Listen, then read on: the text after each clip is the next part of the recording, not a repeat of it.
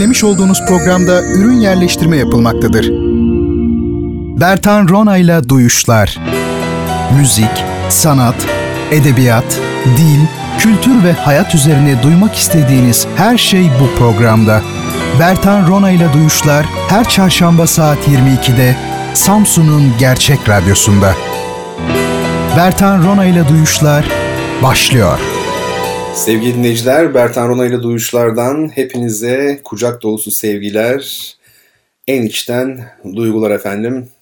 Düşünce ve kültür tarihine eğilen, müziği, sanatı ve edebiyatı ele alan, insana dair ne varsa kendince gözleyen ve değerlendiren bir program Duyuşlar. Hoş geldiniz, sefalar getirdiniz. Her hafta çarşamba geceleri bu vakitte yani saat 22'de Radyo Gerçek yayınından sizler duyuşları dinleyebiliyorsunuz efendim. Bendeniz Bertan Rona bu programı sizler için hazırlıyorum ve her hafta sunmaya çalışıyorum. Yine bir haftalık bir aranın ardından birlikteyiz. Bugün 27 Mayıs 2020 Çarşamba.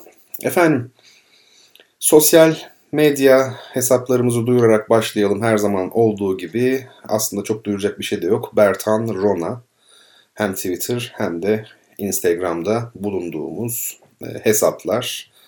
Onun dışında Twitter'da yine Bertan Rona ile duyuşlar e, şeklinde bir minik bebek e, hesabımız var. O da kendince bir şeyler yapmaya çalışıyor. Belki önümüzdeki dönemde daha güzel şeyler yapar. Ve ayrıca bertanrona.gmail.com elektronik posta adresine yazabilirsiniz. Instagram önemli takip etmeniz çünkü bazı görseller üzerinde konuşuyoruz e, hemen hemen her hafta.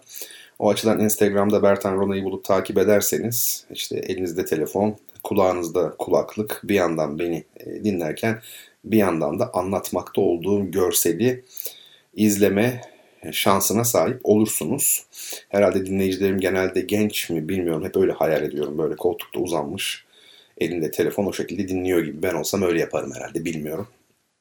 Ee, onun dışında e, biz kitap hediye ediyoruz siz sevgili dinleyicilerimize ve e, bu kitabı kazanmak için de Twitter'da Bertan Rona hesabını buluyorsunuz. Efendim takip etmenize gerek yok. Edin ya da etmeyin. Yani o sizin bileceğiniz, bileceğiniz iş. Doğrudan mention yazarak e, cevabı yazıyorsunuz. İlk kişi olduğunuzda da kitabınızı size gönderiyoruz. E, programımızın müdavimleri bilirler. Burs talebimiz var. Öğrencilerimiz için e, yardım e, düzenliyoruz. Yardım kampanyası gibi değil aslında. İşte ben duyuru yapıyorum buradan. E, daha çok daha nadir biçimde Twitter'dan yazıyorum. Böylelikle dönüşler oluyor bize. Biz de bunu değerlendiriyoruz. İhtiyacı olan öğrencilerimize aylık burs şeklinde ödeme yapıyoruz. Bunun miktarı tamamen sizlere bağlı. Yani destek olmayan kişi, destek olmak isteyen kişi efendim çok az bir miktar, azı çoğu olmaz bu işin de hani kendine göre işte atıyorum küçük bir miktar olabilir, daha e, orta halli büyüyecek bir, bir e, miktar olabilir. Problem değil, düzenli olur ya da bir defaya mahsus olur. E, sonuçta yardım sahibi öğrenci sayısı fazla. O nedenle bizim kimseye hayır diyecek lüksümüz yok. Yardımcı olamayanlar da eşine, dostuna, arkadaşına belki yardımcı olabilecek durumda olan insanlara duyururlarsa bu e, maruzatımızı çok çok iyi olur. Her şeyin son derece şeffaf olduğu, hesap hareketlerinin, dekontların e, görüntüleriyle birlikte paylaşıldığı, yani yardım edilen öğrencilerimizin iletişim bilgilerinin, telefon numaralarının, her şeyin yardımseverlerle paylaşıldığı, yani tamamen şeffaf bir e, ortam içerisinde yürüyor bu yardım e, meselesi aklınızın bir tarafında bulunsun. E, yardımlarınızı esirgemeyin iyi olur. Efendim bu gece acının antropolojisi David Le Breton'un kitabı bu. Ee, bu kitabı hediye edeceğiz. Bu gece tek bir hediye kitabımız var. Bazen dört oluyor. Bazen son haftalarda hep iki oldu.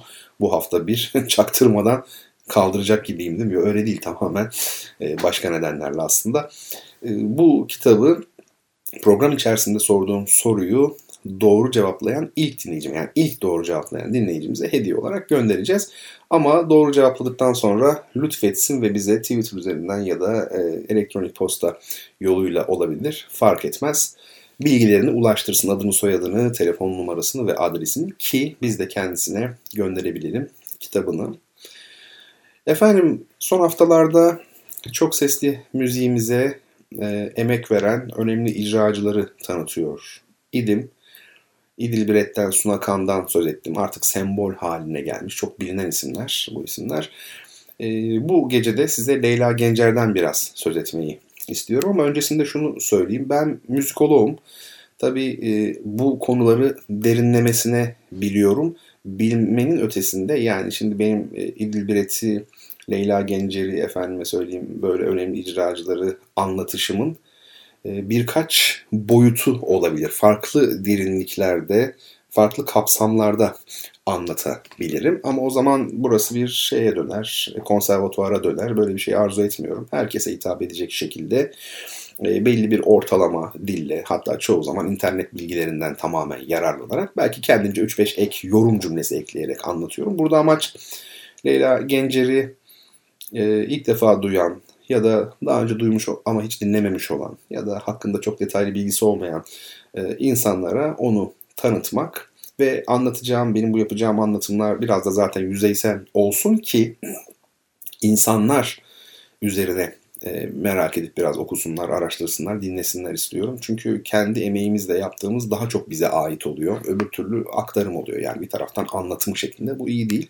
Ben o yüzden hani çok böyle aşırı derecede bir bilimsel e, anlayışla anlatmayı değil, internet kaynaklarındaki bilgileri dahi kullanarak ana hatlarıyla bir tanıtım yapmayı e, amaçlıyorum. Onu söyleyeyim size. Şimdi e, efendim Leyla Gencer e, kimdir? Leyla Gencer'i tahminimce e, duymuşsunuzdur. E, belli fotoğraflarını paylaştım. Instagram'dan bakabilirsiniz. Tıpkı hediye kitabımız gibi yani acının antropolojisi de orada görünüyor. Arkasından da Leyla Gencer fotoğrafları var. İlk fotoğraf onun en ünlü fotoğrafı belki de deko şeyle kostüm e, makyajla belki bir dekorun önünde e, çekilmiş. Ne olabilir bu Abigail mi bilmiyorum. Abigail yaptı mı hiç Leyla Gencer onu da bilmiyorum ama yani bu neyin kostüm yani hangi rolün bakmak lazım ona. E, efendim bu da bir piyano başında ya şey yapıyor, egzersiz yapıyor ama oturarak mı yapıyor acaba ya da başka bir notaya mı bakıyor veya poz verdi belki sadece bilmiyorum. Ama yani burası bir korepetisyon odası havası var yani. Öyle söyleyelim. Arkasından Leyla Gencer'in en sevdiğim fotoğraflarından biridir. Daha ileri yaşlarında çekilmiş bir fotoğrafı. Renkli bir fotoğraf. Ardından da bir CD kapağı geliyor. 14 CD'lik bir box set görüyorsunuz. Bende de var olan bir set bu. Ve Ben Leyla Gencer, La Diva Turca, Evin İlyasoğlu'nun Yapı Kredi yayınlarından çıkmış bir kitabı. E, onun kapağını görüyorsunuz. Ve bir de Leyla Gencer, Primadonna ve Yalnızlık. Bu da bir etkinlik afişi. Öyle söyleyelim. E, Leyla Gencer'le ilgili bu görselleri sizle paylaştım. Siz e, bakarsınız daha başka neler var diye internette. Leyla Gencer 20. yüzyılın önemli sopranolarından biridir. Milano'da vefat etti 2008 yılında. Doğumu 1928 yani 80 yaşında vefat etmiş. Polonezköy'de İstanbul'da doğmuş. Ee, Batı ülkelerinde La Diva Turca, e, La Gencer ya da La Regina e, olarak tanınan bir isim ama daha çok La Diva Turca, Türk divası olarak biliniyor.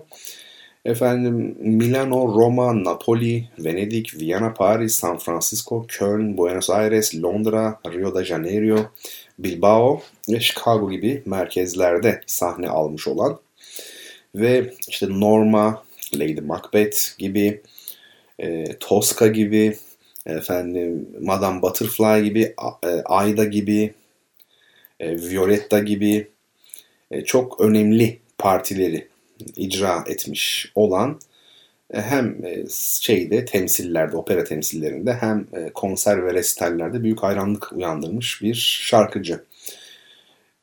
Leyla Gencer 72 yapıtı var deniliyor. Buradan okuyorum ben de size ama 72 yapıt e, muhtemelen bunlar aryantikleri falan e, küçük şarkıları falan da katarak e, söylenmemiş bir sayıdır bu. Büyük e, operatik eserler anlamında. Ve Leyla Gencer'in tabi devlet sanatçısı olduğunu da eklemek lazım. 1928'de Polonez köyde doğduğunu söyledik. Babası Safranbolu kökenli e, Müslüman e, bir ailenin oğlu Hasanzade İbrahim Bey. Annesi ise Polonyalı Katolik bir ailenin kızı Aleksandra Angela Minakowska. E, ailesi daha sonradan Çeyrekgil soyadını almış. E, Leyla Gencer'in annesi İbrahim Bey ile eşiyle evlendikten sonra Müslüman olmuş. Atiye adını almış. Leyla Gencer ileriki yıllarda e, verdiği bir mülakatte yani röportajda e, Müslüman ve oryantal bir altyapıdan geliyorum demiş. E, böyle bir ifade kullanmış. İtalyan lisesini bitirmiş. İstanbul İtalyan Lisesi'ni. Daha sonra İstanbul Devlet Konservatuvarı'nda şan eğitimi almış bir müddet.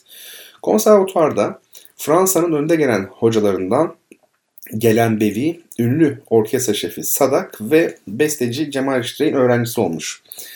Ee, Ankara Devlet Konservatuvarı'nda ders vermek üzere e, Türkiye'den Türkiye'ye gelen ünlü İtalyan soprano Aranji Lombardi ile tanışıyor. Ee, ve İstanbul'daki konservatuvar eğitimini yarıda bırakarak çalışmalarını onun özel öğrencisi olarak Ankara'da sürdürüyor. Ee, Ankara Devlet e, Tiyatrosu'nun korosuna giriyor. Tabi Ankara Devlet Tiyatrosu demek e, o zaman opera da koroya bağlı, şey, tiyatroya bağlı olduğu için Ankara Devlet Operası o anlamına geliyor bu. E, Lombardi bir yıl sonra e,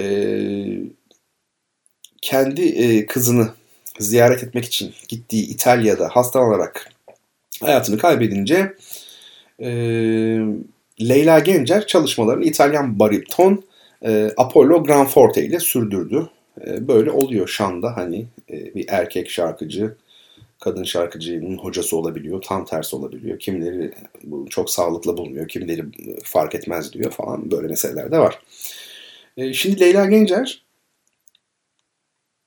Ankara Operası'nda korist olarak görev yapmaktayken 1950'de sahnelenmeye başlayan Cavalleria Rusticana operasında Santuzza rolünü alıyor.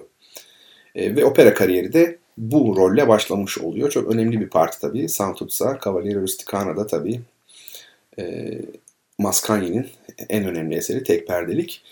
E, Gencer Ankara Devlet Operası'nda görev yaptığı 1950-1958 yılları arasında devlet konuklarına verilen restallerde en çok görev alan, sahne alan sanatçılardan biri oluyor. E, Amerikan başkanlarından Truman, Eisenhower, e, Yugoslavya'nın e, önderi kurucusu Tito, İran Şahı Rıza Pehlevi ve eşi Prenses Süreyya, Ürdün Kralı e, Hüseyin, e, Leyla Gencer'in huzurunda restal verdiği e, devlet büyükleri, konuklar arasında e, sayılabilir. Leyla Gencer 1953'te e, Türkiye ile İtalya arasında bir kültür anlaşması imzalanıyor. Roma'ya gidiyor bir radyo konseri vermek için. E, burada tekrar Türkiye'de yapmış olduğu Cavalleria Rusticana operasında başrol üstlenme fırsatını elde ediyor. Ve bunun ardından Napoli'nin San Carlo operasında efendim Yevgeny Onegin, Madame Butterfly gibi iki önemli operada da başrol oynama teklifi alıyor ve aslında onun bir uluslararası e, macerası böyle başlamış oluyor. E, bu Madame Butterfly'daki başarısından sonra Napoli halkının beğenisinin, sevgisini kazanıyor ve Napolili Türk olarak adlandırılmaya başlanıyor.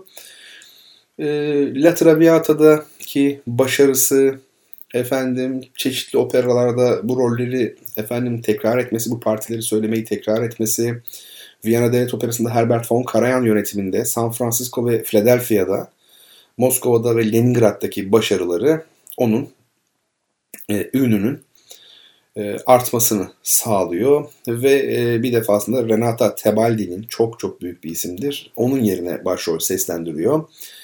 E, son anda oynayamayacağını bildiriyor Renata Tebaldi San Francesca da Rimini operasında. Onun yerine Leyla Gencer oynuyor. Tabii Leyla Gencer'in şöyle bir kariyerine bakarsak çok uzun ve çok büyük. Sizler bunu güzelce bir okuyun artık, inceleyin yani. Neler yok ki? Yani ne eserler var içerisinde, ne büyük başarılar var. Hep uluslararası alanda elde ettiği büyük başarılar. Onlara bakar, bakarsınız şunu söyleyeyim. 85 yılında sahneye veda ediyor Leyla Gencer. 83-88 yıllar arasında e, Asli Kon'un genel sanat yönetmenliğini yürütüyor. 97-98 arasında La Scala Korosu'nun Genç Sanatçılar Okulu'nda yöneticilik yapıyor. Ve vefatına kadar La Scala Tiyatrosu'nda opera sanatçıları için kurulan akademinin sanat yönetmenliğini yapıyor. Gencer aynı zamanda opera yorumu üzerine dersler vermeye devam ediyordu vefatına kadar. Uluslararası yarışmalarda seçiciler kurulu üyelikleri yapıyordu. Festivallere, seminer ve konferanslara katılıyordu. İstanbul'da kendi adını taşıyan uluslararası e, şan yarışmasının da kurucusu. E, bu yarışma 1995'ten beri düzenleniyor. Leyla Gencer 1988 yılında devlet sanatçısı unvanı aldı. 2004 yılında Darphane ve Damga Matbaası Genel Müdürlüğü tarafından Bin Yılın Türkleri özel koleksiyonunda adına 15 e, milyon olarak görünüyor burada. E, lira değerinde 0.999 e, ayar gümüş hatıra para basılmış. Bunu da belirtelim. Sevgili dinleyicilerim, Leyla Gencer 10 Mayıs 2008'de Milano'daki evinde kalp ve solunum yetmezliğine bağlı olarak hayatını kaybetti. Leyla Gencer'in cenazesi 12 Mayıs günü Milano'da La Scala Operası'nın Santa Babila Kilisesi'nde düzenlenen kalabalık bir törenden sonra vasiyeti doğrultusunda krematoryuma götürülerek yakıldı. Leyla Gencer'in külleri daha sonra İstanbul'a getirildi. Televizyonda izlemiştim hatırlıyorum. İstanbul'daydım o zaman. Kendi vasiyeti gereği küller 16 Mayıs günü Dolmabahçe Sarayı ile Dolmabahçe Camii arasındaki bir törenden sonra yine Dolmabahçe açıklarında Boğaz sularına döküldü. E, törende Mozart'ın Requiem'inden Lacrimosa ile Ahmet Adnan Saygun'un Yunus Emre Oratoryosu'nun 5. 12. ve 13. bölümleri İstanbul Devlet Opera ve Balesi Orkestra ve Korosu tarafından seslendirildi. E, İstanbul Kültür Sanat Vakfı'nın yeni yapılmakta olan merkezinde sanatçının vasiyeti üzerine bir Leyla Gencer Müzesi oluşturulması öngörülüyor ama bu tabi ne zamana ait bir haber, efendim kaynak nedir e, konuşmak lazım. E, ve Leyla Gencer şan yarışmasıyla da ilgili e, bilgiler e, var. Dediğim gibi bunların hepsine bakabilirsiniz ve Leyla Gencer'in o az önce başlamadan evvel anlatmaya gösterdiğim fotoğraflar vardı ya CD'ler. Hoş artık CD'nin bir anlamı kalmadı ama daha derli toplu bir arada bulunuyor. Müzik daha ciddiyetle dinliyorsunuz. Şimdi hemen elimizin altında dinliyoruz. Başını dinliyoruz mesela biraz. Ha, sıkıldım artık öbürü öbürü derken aslında elde var sıfır. Oysa eskiden bir tane plağımız bir tane kasetimiz olurdu mesela. Bir ay boyunca sadece onu dinliyordunuz. İşte o zaman öğreniyordunuz. Size bir katkısı oluyordu gerçekten. O CD'lere de bakabilirsiniz. Leyla Gencer'in neler yorumladığına. E, eminim YouTube'da vardır. E, sosyal medyada. Oradan takip edebilirsiniz. Evet efendim. Şimdi dinleyeceğimiz müzik Mozart'ın müzik arası veriyoruz yani onu söyleyeyim. Mozart'ın 40. senfonisinden birinci bölümün bir kısmını dinleyeceğiz ama bunu e, böyle bir vokal uyarlaması olarak dinleyeceğiz. E, Swingle Singers var ya meşhur onların söylediği. Niye ondan onlardan dinletiyorum onu da bilmiyorum ama öyle geldi işte. Şöyle bir eski hard listlerin içinde biraz müzik baktım e, sizlere dinletmek üzere. İlgimi çekti. Normalde bu tür uyarlamalar risklidir. Yani insan sesi için yani bir müzik ne için yazıldı? Onu düşünmeden başka bir ortama onu uyarlamak sıkıntılı olur genellikle. Şimdi insan sesiyle siz Mozart'ın 40. senfonisinin birinci bölümünün küçük bir kısmını yapacaksınız. Tamam yapacaksınız ama bu bambaşka çalgılar için yazıldı. O çalgıların fiziksel özellikleri farklı. Birinde ses uzuyor, birinde uzamıyor. İnsan sesi nasıl bir kere? Bunlara uygun mu? Ee, peki çok beğenmediğin halde o zaman madem öyle niye dinletiyorsun bunu? Yani bilmiyorum insan hep beğendiği şeyleri mi dinletmeli yani. Her zaman böyle çok beğeniyorum, ay çok güzel bunu dinleteyim demiyorum. Ee, bazen e, eleştirdiğiniz şeyleri de dinletebilirsiniz. Ayrıca şu da var. Bazen müzik o kadar güzeldir ki neyle yorumlanırsa yorumlansın yine güzeldir yani. Neyse ben bir şimdi ara vereyim de siz güzelce müziği bir dinleyin. kararı kendiniz verirsiniz. Evet efendim müzik arasından sonra yine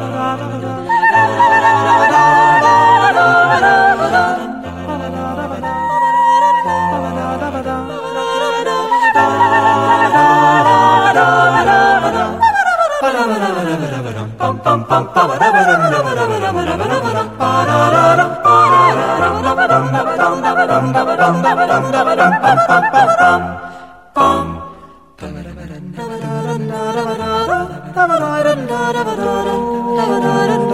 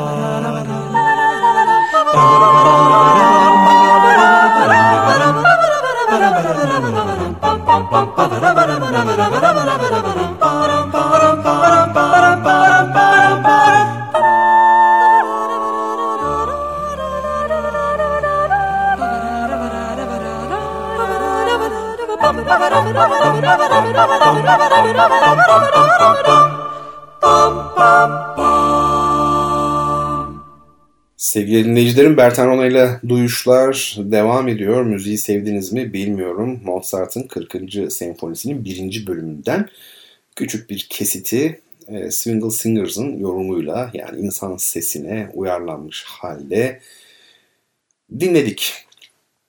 Evet, şimdi geçen hafta e, felsefe derslerimize yine başlayalım, sohbetlerimize başlayalım demiştik ve bir de giriş yapmıştık. Şimdi oradan devam edeceğiz ama geçen hafta ne konuştuğumuzu kısaca hatırlayalım.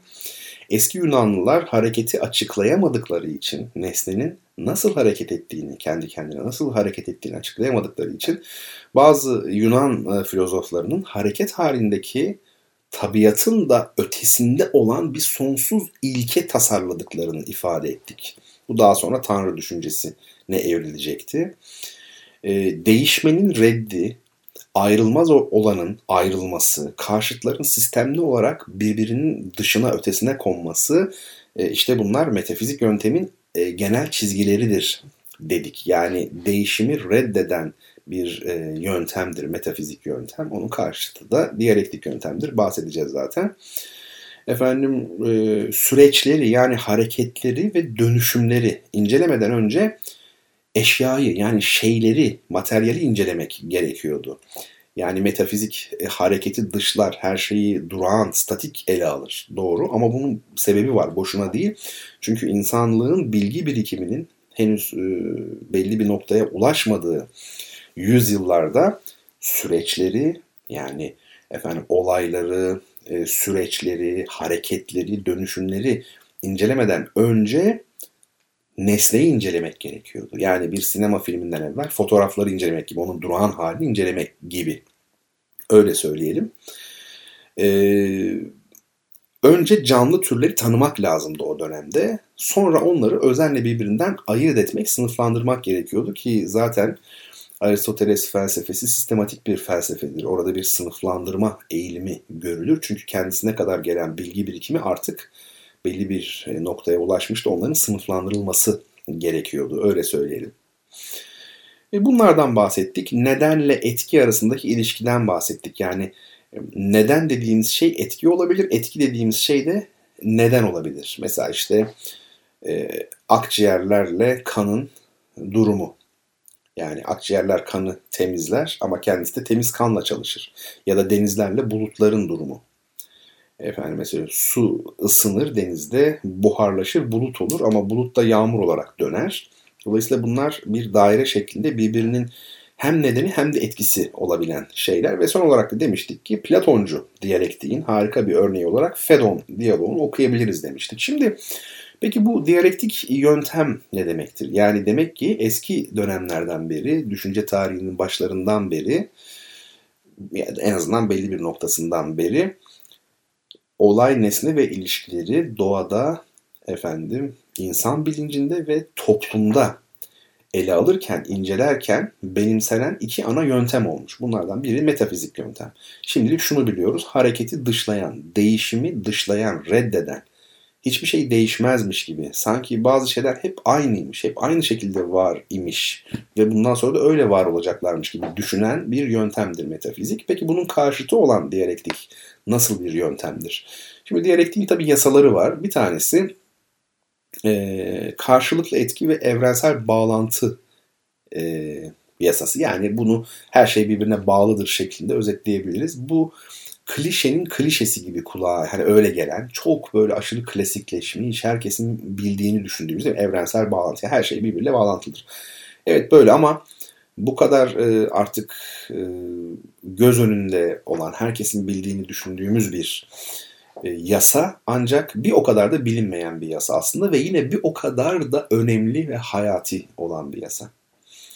E, hiçbir şey e, birbiriyle bağlantıları ele alınmadan anlaşılamaz onu söyleyeyim. Yani öğrenciler mesela çalışıyorlar, bir şeyi öğrenmeye gayret ediyorlar, bir metni okuyorlar. Niye sıkılıyorlar ya da niye anlamıyorlar? Çünkü anlamadıkları için o metin onlara data olarak geliyor. Yani hep demiştim yani data başka bir şeydir, informatik başka bir şeydir, gerçek bilgi başka bir şeydir. Şimdi e, Mozart şu tarihte doğdu, şu tarihte öldü, 41 tane senfoni besteledi, bilmem ne yaptı. Bunlar data, bunlar informatik ya da en fazla. Şimdi bunlar tamam, güzel arka arkaya bunlar e, sıralanıyor. Ama gerçek bilgi nerede? İşte gerçek bilgi. Hadi Mozart'ı bir yorumla bakayım. Mozart'ın eserlerinden bahset, müziğinden bahset. İşte orada gerçek bilgi yani e, datanın ya da informatiğin birbiriyle irtibatlandırılmasından ortaya çıkan şey. Öğrenciler genelde sıkılır ve bu onlara hamallık gibi gelir mesela normal metin. Neden? Çünkü Mozart'ın o 1756'da doğduğunu, şunu yaptığını, bunu yaptığını okurken başka şeylerle irtibatlandırmadığı için tekil kalıyor ve onun sırtında ağırlık oluyor. Oysa mesela bir başkası okuduğunda 1756'da doğdu, 1791'de öldü. Hmm, tam Fransız devrimi sürecinde. Mesela atıyorum çok basit bir şey bu. Tam Fransız devrimi sürecinde yaşamış, eser vermiş. O zaman onun eserlerinde işte aristokratik e, söylemle burjuva söylem arasında bir geçiş falan falan filan. O zaman ne oldu? Ya da mesela şu, şu daha güzel bir örnek. Yani Haydn 60 piyano konçertosu besteledi. Mozart 27, Beethoven 5. Şimdi bunun sebebini bilmeyen bir kişi için bu rakamlar bir yüktür. Birer yüktür. Ama bunun bir sebebi var. Bu tesadüf değil. Haydn en yaşlıları, Mozart ortada, Beethoven en genci. Zaman ilerledikçe piyano konçertosu sayısının azalmasının sebebi var. Çok ilginçtir. Hem de sosyoekonomik sebebi. Dolayısıyla ne oldu? Artık bize bir yük gibi gelmemeye başladı. O bakımdan bu evrensel bağlantı yani her şeyin birbirine bağlı olduğu düşüncesi bu yasa hayati önem e, taşıyor. Eğer her şey birbirine bağlı değilse yani böyle bakıyorsak ne olur mesela? İşte bilim için bilim deriz. Yani bilimle toplumu birbirinden koparalım. Bilim için bilim o zaman işte atom bombası da atabilirsiniz. E, her şey yapılabilir. Bilim için bilim çünkü toplum için değil. Bakın bağı kopardık. Bunu söyleyelim. E, şunu ortaya koyalım. Yani diyalektik ile metafizik birbirinden tamamıyla uzak, birbirinin tamamen karşıtı düşünce yöntemleri. E, bunu belirttik zaten. Şimdi her şey birbirine bağlıdır diyor diyalektik. O zaman metafizik ne diyor? Her şey birbirine bağlı değildir yani. Mümkün mertebe koparıyor. Her şeyi kendi başına ele alıyor. Bağlantılarıyla değil. Şimdi mesela metafizikçiye göre, bir metafizik e, e, izleyicisine göre toplum tarihi, siyasal tarih bunlar da anlamsız bir olaylar yığınıdır aslında. Saçma e, bir takım rastlantılardan oluşan bir kaostur. Nedensiz olaylardan oluşan bir yapıdır. Neden? Ee, neden böyledir? Mesela Camus biliyorsunuz önemli bir edebiyatçı, önemli bir düşünce insanı. Albert Camus e, dünyanın absürt olduğunu, saçma olduğunu, yani e, varoluşun tamamen bir absürdite, bir saçmalık olduğunu söylüyor. Şimdi Camus'un bunu söylemek için nedeni var mıydı? Çok nedeni vardı aslında. Yani boşuna söylemiyor. Çünkü 2. Dünya Savaşı kadar hani korkunç bir şey olabilir mi? Milyon, 60 milyon insanın ölümünden bahsediliyor. Korkunç bir şey değil mi? Bu dünyadaki işte adaletsizlikler, kötülükler, pek çok şey. E, bunlar malzeme var ama Camus'u hangi sonuca götürmüş? Her şeyin saçma olduğu sonucuna götürmüş. Oysa ki Camus ile beraber yaşayan yani aynı yıllarda yaşayan pek çok insan vardı ki onlar 2. Dünya Savaşı'nın sebebini biliyorlardı. 2. Dünya Savaşı'nın sebebinin uluslararası alanda emperyalizmin bir e, krizi olduğunu biliyorlardı. İşte bakın her şey birbiriyle bağlantılıdır meselesi var ya. Bunu bilebildikleri için, irtibatlandırabildikleri için bu ikisini 2. Dünya Savaşı'nı açıklayabildiler. Açıklayabildikleri için de onlara saçma görünmedi. Ve saçma görünmediği için de e, Hitler'e karşı mücadele ettiler. Ama e, Camus ve onun gibi düşünenler olayları belki de irtibatlandırmadıkları için her şeyin birbirine bağlı olduğu yolundaki e, yasanın tam tersi yolda düşündükleri için yani bir İkinci Dünya Savaşı'nı bu korkunç yıkımı tekil bir olay olarak aldıkları ve nedenlerini hiç hesaba katamadıkları, anlayamadıkları için e, elbette ki saçma olduğunu düşündüler. Bunu da belirtelim. Şimdi e, hareketsizlik peki yok mudur? Yani diyalektik e, her şey değişir diyor. Efendime söyleyeyim hareket vardır diyor. Evet hareket vardır. Hareketsizlik yok mudur peki? Hareketsizlik de vardır. Şimdi diyalektiğin ikinci yasası e, evrensel değişme ve kesintisiz gelişme yasası. Yani birincisi her şey birbirine bağlıdır yasasıydı. İkinci yasa her şey durum değiştirir. Yani her şey birbirine bağlıdır. Her şey durum değiştirir. Yani değişik hareket eder, değişir, dönüşür sürekli olarak. Şimdi hareketsizlik peki yok mudur? Vardır. Ama hareketsizlik geçicidir ve görelidir. Ee, yani aslında hareketsiz hiçbir şey yoktur da size öyle söyleyeyim. Ee, bizim hareketsizlik olarak algıladığımız durumlar zaten geçici ve görelidir. Mesela hareket halinde bir gemi düşünelim. Gemide biri oturuyor. Şimdi gemiye göre hareketsiz. Ama aslında hareketli. Yani gemiye göre hareketsiz. Çünkü oturuyor ama gerçekte hareketli. Bu güzel bir örnek, küçük bir örnek. Veya bir bardak masada duruyor mesela. Biz onun hiç hareket etmediğini düşünüyoruz. Oysa ki bardak hareket halinde. Ama bu hareket mutlaka bir e, ne derler adına bir mekanik hareket olmak zorunda değil. Diyalektik hareket. Mesela hareketin çeşitli biçimleri var. Bizim yaşlanmamız mesela. O da bir hareket. Şu an yaşlanıyoruz. Bu yaklaşık işte 50 yılda 60 yılda neyse gerçekleşen bir hadise. E, doğduğumuz andan itibaren başlıyor tabii. Hatta ana rahmine düştüğümüz andan itibaren. E, bu devam ediyor. İşte bakın o da bir hareket aslında ama hareketin farklı bir biçimi. Hareket illa ki hani A noktasından B noktasına gitmek demek değildir. O mekanik harekettir. Diyalektik hareket de var. Öyle söyleyelim. Şimdi peki e, başka yasaları yok mu diyalektiğin? Birincisi efendim her şey birbirine bağlıdır dedik. İkincisi her şey durum değiştirir dedik. Üçüncü bir yasadan daha söz edelim. O da e, nitel değişiklik. Yani hani her şey durum değiştirir, her şey değişir diyoruz ya. Nasıl değişiyor? Şimdi e, bir bakalım e, nasıl olduğuna. E, mesela işte çok çok aşırı derecede klasik bir böyle laboratuvar örneği. İşte ve her zaman işte felsefe bu tür böyle basit e, su kaynamasına falan indirgenemez e, şeklinde e, eleştirilere maruz kalan bir örnek olacak belki ama olsun anlamak için yine güzeldir. Suyun kaynaması yani değişiklikler nasıldır? Önce nicelik değişikliği vardır. Nedir o nicelik değişikliği? Su ısındı, ısındı, ısındı. Bu bütün işte el kitaplarında, felsefe kitaplarında yazan bir şeydir. 99 dereceye kadar geldi. Sürekli ısındı. Değişiyor, ısınıyor ama hala su. Fakat 99'dan 100'e geçtiğinde buharlaşıyor. Yani burada bir nitelik değişikliği var. O zaman değişiklik diyordu ya ikinci yasa. Peki değişiklik nasıl olmuş? Değişiklik e, nicelik değişikliklerinin birikerek belli bir nitel değişikliğe dönüşmesi sonucunda olmuş.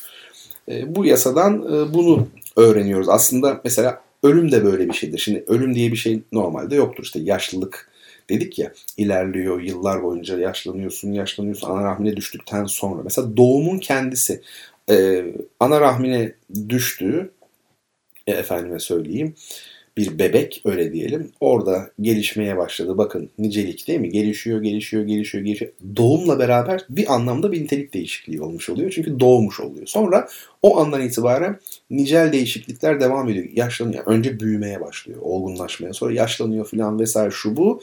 Bakın o yaşlılık belli bir noktaya kadar geldi. Birdenbire bir ölüm söz konusu oldu. İşte o da yine nitel değişiklik. Sonra ne oluyor bu defa? Toprağın altına girdiğinde toprak tarafından işte efendim açılıyor. O da tekrar bir nicel değişikliğe e, dönüşmüş oluyor. Yani bu birbirini sürekli izler. Yani nicel değişiklikleri nitel değişiklikler izler ama nitel değişikliklerden sonra da nicel değişiklikler yine devam eder. Onu e, söyleyeyim. Çok da bir detayı var bu konuların ama biz şimdi ana hatlarıyla gidiyoruz. Sonradan belki ince ayar tabiri caizse yaparız. E, şimdi mesela bizim duyumlarımız var biliyorsunuz. insan olarak bazı duyumlarımız var. Öyle değil mi? Beş duyu. Bu duyulardan bize sayısız veri geliyor ve beynimiz bunları işliyor. Sayısız defa yani pratikte milyonlarca, milyarlarca kez bu yinelenen bu duyumlar nicel olarak bakın sayı olarak defaatle yinelenen bu duyumlar bir noktada bir nitel sıçrama yapıyorlar ve kavram haline geliyorlar. Ne demek istiyorum? Mesela herkes bir ağaç düşünsün şimdi. Geldi değil mi? Gözünüzün önüne bir ağaç geldi. Şimdi dikkat edin o ağaç aslında gerçek bir ağaç değil. Hiçbir yerde öyle bir ağaç yok. Yani hiçbir tekil ağaca benzemiyor. Ama o bir kavram. Öyle değil mi? Peki siz onu nasıl oluşturdunuz? İşte sayısız defa ağaç gördünüz çocukluğunuzdan, bebekliğinizden beri. Siz e, doğduğunuz gün belki e, bu hiçbir şey anlamıyor bu bebek diye düşünüyor olabilirsiniz ama işin aslı öyle değil kesinlikle. E, kaydediyor hızla ilk günden, ilk saniyeden itibaren ve o sizde bir ağaç kavramı oluşturuyor. Bakın burada da e, nicelik birikiminin bir süre sonra bir nite, nitel sıçramaya yol açmasıyla karşı karşıyayız. En son bir kavram oluştu. O da işte ağaç kavramı. Demek ki duyumdan kavrama giden yol e, nicel gelişimlerin, birikimlerin nitel bir patlamaya yol açması anlamına geliyor. Şimdi mesela Kant gibi rasyonalistler, pek çok e, rasyonalist düşünür, usçu, akılcı düşünür. E, diyordu ki belitler, aksiyonlar yani insan zihninde hazır olarak vardırlar. E, efendime söyleyeyim. Mesela parçanın bütünden küçük olduğu olması. Mesela bu nedir? Bu bir aksiyondur, belittir. Parça bütünden küçüktür.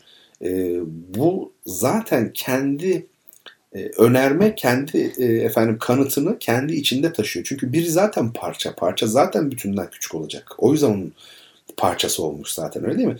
İşte pek çok rasyonalist şöyle düşündü geçmişte. Parçanın bütünden küçük olması gibi belitler yani aksiyonlar insan e, doğasında zihninde doğuştan hazır olarak var. Çünkü bunlar evrensel doğrular. Oysa ki böyle değil.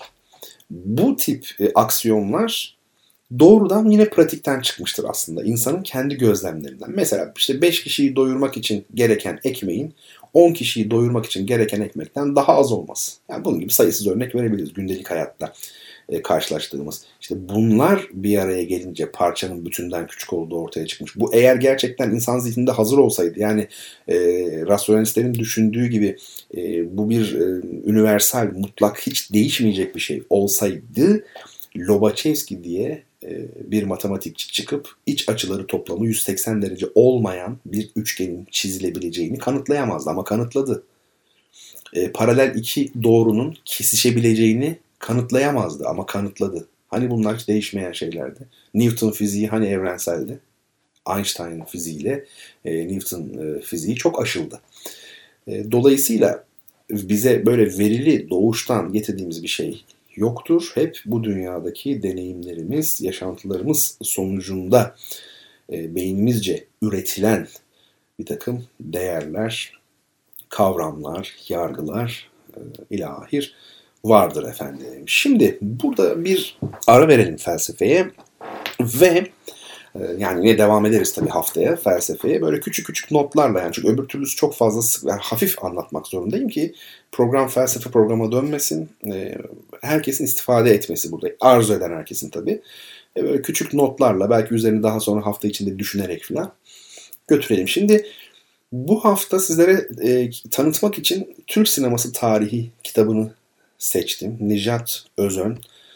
E, Türk sineması tabii çok e, ilgi çekici bir sinema. Fotoğrafını paylaştım bu arada. Nijat Özön'ün böyle bilgisayarıma koyup öyle bir e, bayağı aylardır belki 1-2 yıldır böyle bir format gelişti kendiliğinden. Kitabı koyuyorum böyle bilgisayarımın üzerine. Böyle o şekilde çekiyorum. E, bunlar kendi kitaplığımda bulunan işte okuduğum ya da efendim okumasam bile e, hadi arkadaşlar şu kitaba bir bakalım beraber ilginç bir şeye benziyor dediğim e, kitaplar oluyor genellikle. 1896-1960 arası yani Türk sinemasının başlangıcı. E, o dönemi kapsayan bir sinema tarihi, Türk sineması tarihi. Nijat Özön'ün kitabı. Bu kitapla ilgili şimdi size şöyle arka kapağı bir okuyayım. Orayı çekmedim. Ben okuyayım size. Şöyle diyor. Nijat Özön Türk Sineması Tarihi kitabıyla 27 Mayıs'a kadar olan tarihi. Aa enteresan. Bugün de 27 Mayıs. Hiç düşünmemiştim bunu. Bu 27 Mayıs Aa, çok enteresan. Şimdi bir şeyi fark ettim şu an. Necat Özön, şimdi bu kitap 1960'ta bitiyor ya ve 27 Mayıs'a kadar olan kısımda bitiyor. Ee, tam da 27 Mayıs ihtilali deniyordu. Onların adları hep farklı. Birine ihtilal denmiş 27 Mayıs. 12 Mart'a muhtıra denmiş. Değil mi? 12 Eylül darbe denmiş mesela. Hepsine farklı. Muhtıra filan enteresan. Yok yok ülkeniz. E-muhtıra var filan. Değişik şeyler. bu hepsi denenmiş yani. Ee, e, siyasal tarih de enteresan bir alan. Hiç hayatım boyunca ilgi duymadım siyasal tarihe. Son zamanlarda ilgimi çekiyor mesela. Dün gece çok geç bir saatte şöyle bir bakayım dedim. Yani Talat Aydemir mesela yani hakikaten tuhaf ve garip şeyler işte idam ediliyor filan yurt dışına gönderilenler var dar yani böyle meslek edinmiş olanlar var birinci teşebbüste başaramıyor ikincisinde yine başaramıyor idam ediliyor filan gibi böyle çeşit çeşit yani ee, o konuda hani bir tane yaşanmamış. Defaatle yaşanmış. Hakikaten ilginç. Neyse biz okuyalım şimdi. İlginç denk geldi yani. Düşünmemiştim ben bunu. Bakın şimdi şöyle diyor. Nijat Özön Türk sineması kitabıyla 27 Mayıs'a kadar olan tarihi bir devrim niteliğinde yeniden yazmıştır. Alanında bir ilktir. Türk sinemasının ilk yazılı tarihidir. Daha da önemlisi sosyolojik olarak tarihi dönemlere ayıran, önemli filmleri inceleyen, olguları derinliğine araştıran, kendisinden önceki bütün literatürü incelemesiyle büyük başarı elde etmiştir. Hem sinema yazarları nezdinde hem de sektörde çalışan eğitimli bütün yönetmenler üzerinde çok etkili olmuştur. Bir yandan bilimselliği, öte yandan toplumsal kültürel özellikleriyle başlangıcından 1960'a kadar tarihin temel kitabı haline gelmiştir. O yıllarda Türkiye'de üniversite eğitiminde sinema dalı yoktu. 1970'lerden başlayarak başta akademi bünyesindeki Sinema Televizyon Enstitüsü olmak üzere art arda sinema televizyon bölümleri açıldı. Yıllar içinde akademik çalışmaları yapan insanlar için bu çalışma temel referans kaynağı olarak görüldü. Bu haliyle klasikleşti. Özön'ün sinema yazarlığı 1950'li yıllarda başlamıştı. Sinema üzerine ilk bilimsel çalışmalarda büyük ağırlık kazandı. Önemli çeviriler yaptığı sinema sanatına yönelik dergiler çıkardı. 1970'lere kadar siyasi kültürel dergilerde çok önemli eleştiriler yazdı. Bir yandan batılı literatürü takip ederken diğer yandan tarih çalışmalarına ağırlık verdi. Bunların yanı sıra sinema terimlerine Türkçe kapsamlı bir sözlük çalışmasıyla karşılıklar buldu. Sektörün ısrarla kullandığı Fransızca terimler okullu sinemacıların alaylı sinemacılara gitgide üstünlük kazanmasıyla yerlerini Türkçe terimlere bıraktı. Eğer Türk sineması tarihini okursanız bu kitabın bir yandan Osmanlı'dan başlayarak Cumhuriyet'in tarihini anlattığını, bu tarihlere karşılık gelen sinema tarihini paralel bir biçimde incelediğini göreceksiniz. Aynı zamanda Türkiye'nin geçmişten getirdiği geleneksel sanatların nasıl bir değişim süzgecinden geçerek tekrar tekrar sinemamızda yeniden nasıl ortaya çıktıklarını da görürsünüz. Halen Türk sinema tarihi konuyla ilgilenen herkes için aradan geçen 50 yıla rağmen klasik ve vazgeçilmez bir eser olmaya devam etmektedir. Kitabın diline gelince Özön'ün dilinin o zamanki yeniliğine karşın günümüzde nasıl yerleşmiş olduğunu da fark edeceksiniz. Evet, Doruk yayınlarından çıkmış bir e, kitap. Türk sineması tarihi 1896-1960 dönemini anlatıyor. Nijat Özön'ün kitabı. Ben bu e, şeyi bilmiyordum. Türkçe terimler türettiğini, sinema terimleri türettiğini Nijat Özön'ün e, terminoloji benim ilgili olduğum bir alan. Tabii ben e, müzik bilimlerinde ilgiliyim terminolojiyle. Çok sesli müzik terminolojimizle ilgiliyim. Geçen haftalarda da bir makalem yayınlandı. Onu öyle hiç paylaşmadım bir yerde. Olmazsa onu da sizle paylaşayım. Bir Dropbox grubumuz vardı geçen sene. Değil mi? Ben mi yanlış hatırlıyorum? Yani e, Dropbox'a ben yüklüyordum. E, duyurusunu da yapmıştık sosyal medyadan. Kim isterse onu da Dropbox grubuna alıyorduk. Böylelikle o makaleleri, benim yazdığım makaleleri, bildirileri falan okuyabiliyordu. Belki de öyle bir şey yaparız. Oraları bir aslında temizlemek lazım. Yani bu işlere bir çare bulmak lazım. YouTube kanalı güzel fikir de durun bakalım. Biraz şeyim, düşünceliyim aslında yani bu konuda. Kararsızım daha doğrusu. Yani çünkü biraz tanınmak, bilinmek yani çok kötü bir şey biliyor musun? Çok şey hani kötü bir şey derken ben tanınıyorum, biliniyorum anlamında değil. Ya biraz böyle bir ufak bir etki alanınız falan bile olsa yani her kafadan bir ses çıkıyor. Çok kirli ya. Ya bana göre şeyler değil, işler değil. Yani ne olacak? YouTube kanalı yapacaksınız. Tamam çok güzel. Ondan sonra yine bir sürü işte tacizler, her kafadan bir ses, bir yorum falan filan bu. Yani Belki de şu daha iyi. Yani şimdi YouTube tamam çok güzel ama isteyen değil mi? Her şeye çat diye hazır ulaşıyor. Veya Twitter'da bir şey yazıyorum ben paylaşıyorum. Hop güzelce hazır ulaşıyor. Şimdi bu tür bir insan profilinin onun kıymetini bilmesini düşünemeyiz. Yani bilenler var tabii de az miktarda onu demek istiyorum.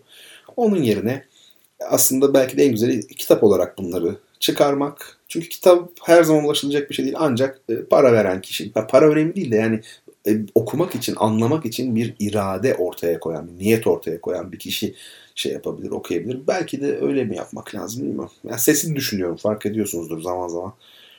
Genellikle sesli düşünüyorum bütün hayatım boyunca hatta sesli düşündüm galiba. Peki hadi gelin şu sorumuzu soralım ve kitabımızı sahibiyle buluşturalım artık. Sevgili dinleyicilerim, e, erkeklerin genellikle resmi toplantılarda böyle davetlerde falan balolarda giydikleri siyah kumaştan yapılmış e, olan e, etekleri etekli kısmı uzun ve ön köşeleri yuvarlak e, kesilmiş olan arkası böyle oldukça uzun yırtmaçlı cekete ne ad verilir? Bu ceketin bir adı var. Sizler güzelce bu cevabı yazın. Bizler de şimdi Leonard Bernstein'in Batı Yakası hikayesinin en ünlü parçalarından biri olan America adlı ben de bir Amerikalı gibi söyledim farkındaysanız. Amerika parçasını Amerigo ilginç değil mi? Amerigo ne biliyor musunuz? Emmerich ya da Heinrich aynı isimle Almanca kökenli Amerigo. Yani o yukarıdan Latinlere geçmiş isimlerden biri. Oba o şey demek yani oymak beyi gibi bir anlam var. Obanın beyi yani aşiret bu şey. Ağa mı oldu? Öyle bir şey işte. Peki Batı yakası hikayesinden Amerikalı besteci ve orkestra şefi Leonard Bernstein ki biliyorsunuz Batı yakası hikayesi bir Shakespeare uyarlamasıdır. Romeo ve Juliet'in uyarlaması 19 20. yüzyıl Amerika'sına taşınmış hali. Uyarlama edebiyatı çok güzel bir şey yani. Belli eserlerin, belli konuların üzerine sürekli uyarlamaların yapılması bir çeşit varyasyon, bir çeşit çeşitleme e, külliyatı oluşturuyor. Bu da çok çok çok e, değerli bence, güzel, zevkli ve e, renkli. Şimdi bir taraftan da sorunun cevabını yazın siz. Müziğimiz çalsın arkasından da efendim kaldığımız yerden devam edelim efendim.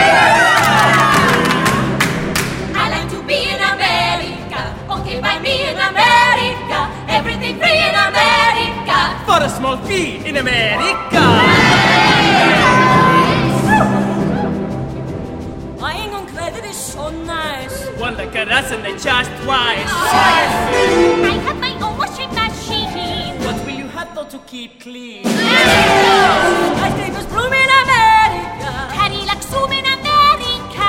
Industry food in America. Swerve in a room in America. Lots of new housing with more space. Lots of slamming in our face apartment. You better get rid of your action. Life can be black in America. If you can fight in America. Life is alright in America. If you're not like in America. America.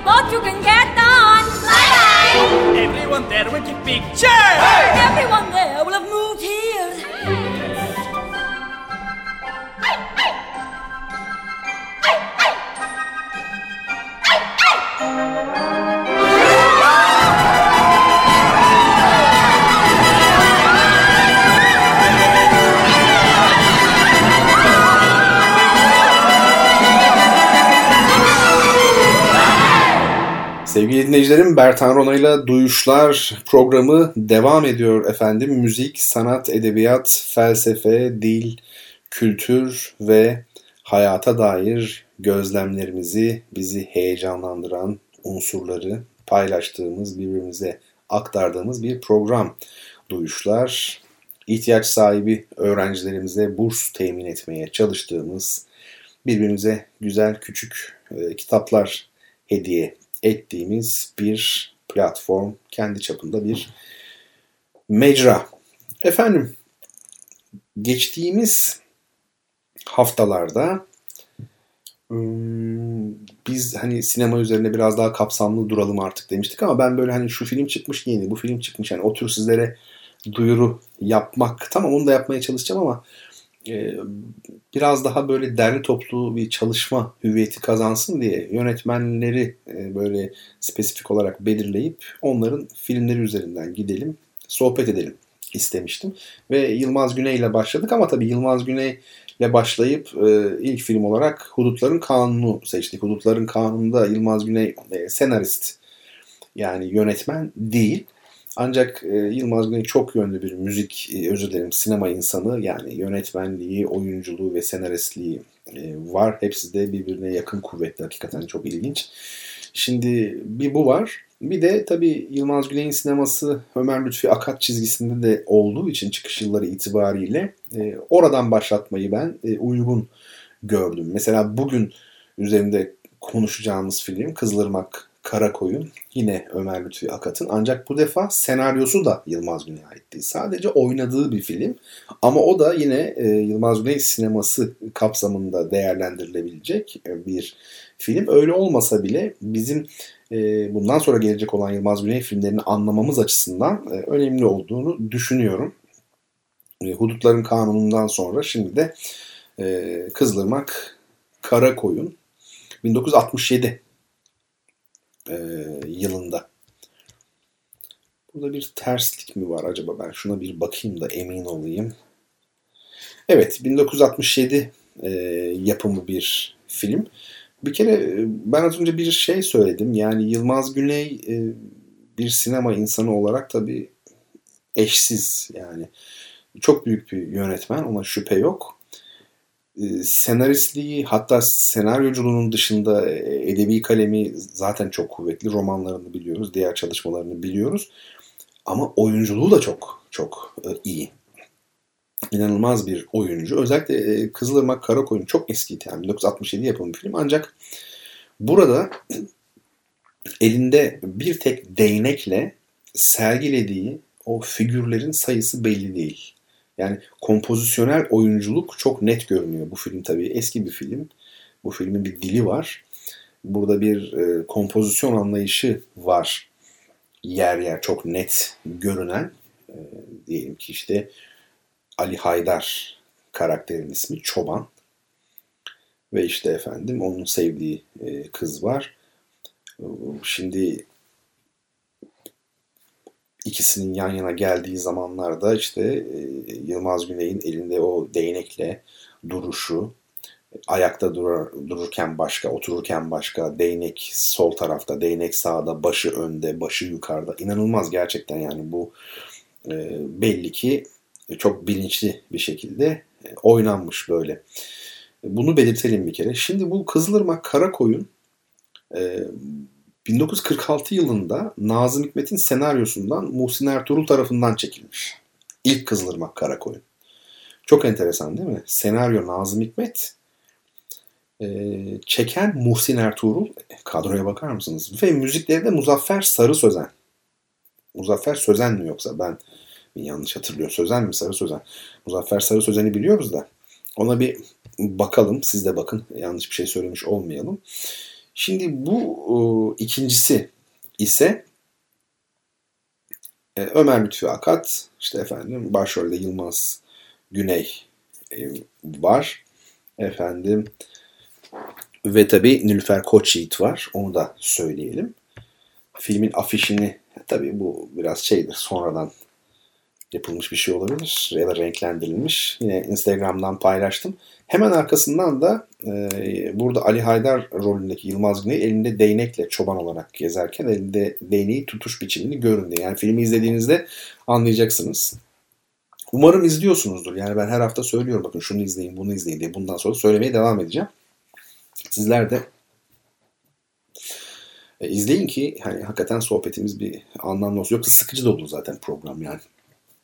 E, ama demiştim yani bu kayıt yapıldığı için SoundCloud'da kaydedildiği için sonradan dinleyebilirsiniz. Bu arada Spotify'da da yükleniyoruz galiba böyle bir şey. Ben Spotify nedir tam bilmiyorum. Doğru hiç kullanmadım da.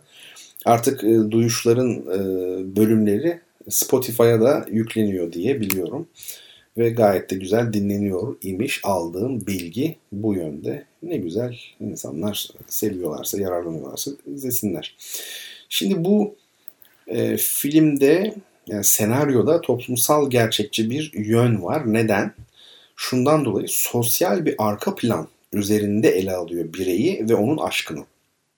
Sosyal e, bir arka plan üzerinde ele alıyor. Ne demek bu? Şimdi efendime söyleyeyim bir oba var. Konuyu söyleyelim. Artık izleyecek olanlar burayı atlasınlar. Çünkü konusunu söyleyeceğim. Bir oba var. E, bu obada bir çoban. E, Ali Haydar. Bir de işte Nülfer Koçyiğit'in oynadığı ama adını Zehra mıydı? Adını şey yaptım. E, unuttum. Yani onu şimdi aklıma gelir belki birazdan. E, Ali Haydar'la Oba'nın beyi olan kişinin Amerigo yani Amerigo e, onun e, kızı birbirlerine aşık oluyorlar ve istiyor. Yani çoban istiyor. Fakat istediği kız beyin kızı. E, yaşlılar toplanıyorlar, erenler filmdeki tabirle.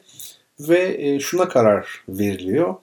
İmkansız bir şey isteyelim Ali Haydar'dan ama gerçekten imkansız olsun. Onu yapabilirse kızı verelim. Ve e, yaptığı şey nedir? Diyorlar ki koyunlara yapması gereken şey koyunlara tuz yedireceğiz. 3 gün 3 gece. Sadece tuz. Yani yanacaklar böyle yani susuzluktan falan. Sonra dere kenarına getireceğiz. İşte Kızılırmak kenarına mı artık orası Kızılırmak'sa. Karşı taraftan da Ali Haydar yani Yılmaz Güney e, kavalını çalacak ve koyunlar hiç bir tanesi bile su içmeden, dilini suya değdirmeden karşıya geçecekler. Yani kaval öyle güzel olacak. Tabii imkansız bir şey bu. Fakat Ali Haydar bunu gerçekleştiriyor. Yapıyor. Bütün koyunlar geçiyorlar.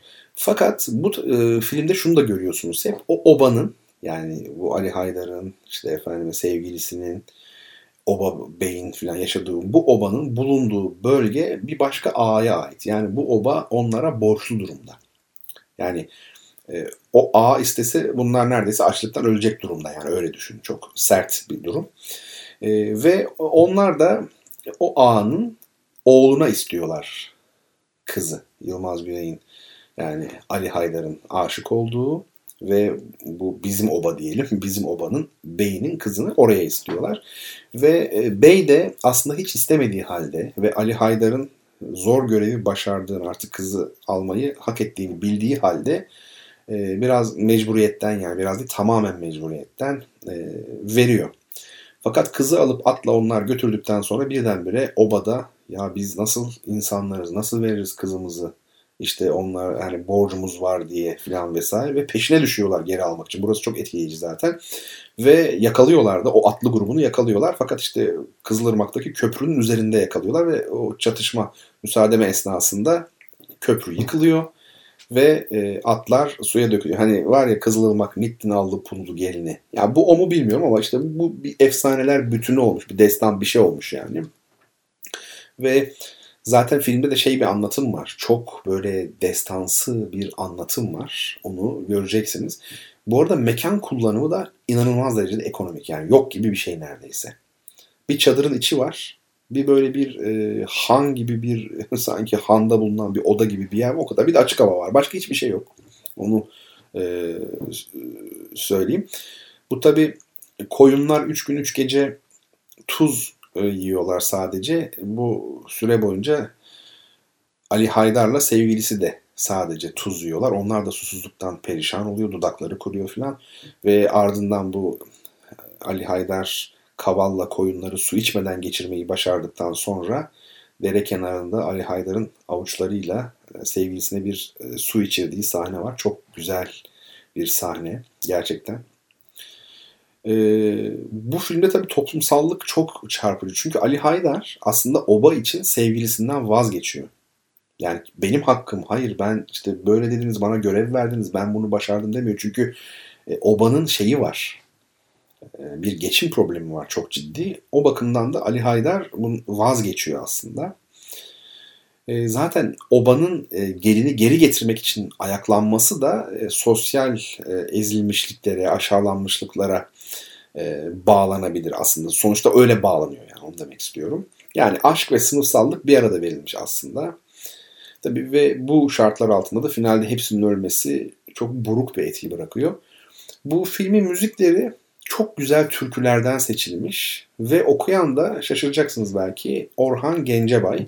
O zamanki adıyla Orhan Kencebay. K ile yazılıyormuş o zaman. Orhan Kencebay.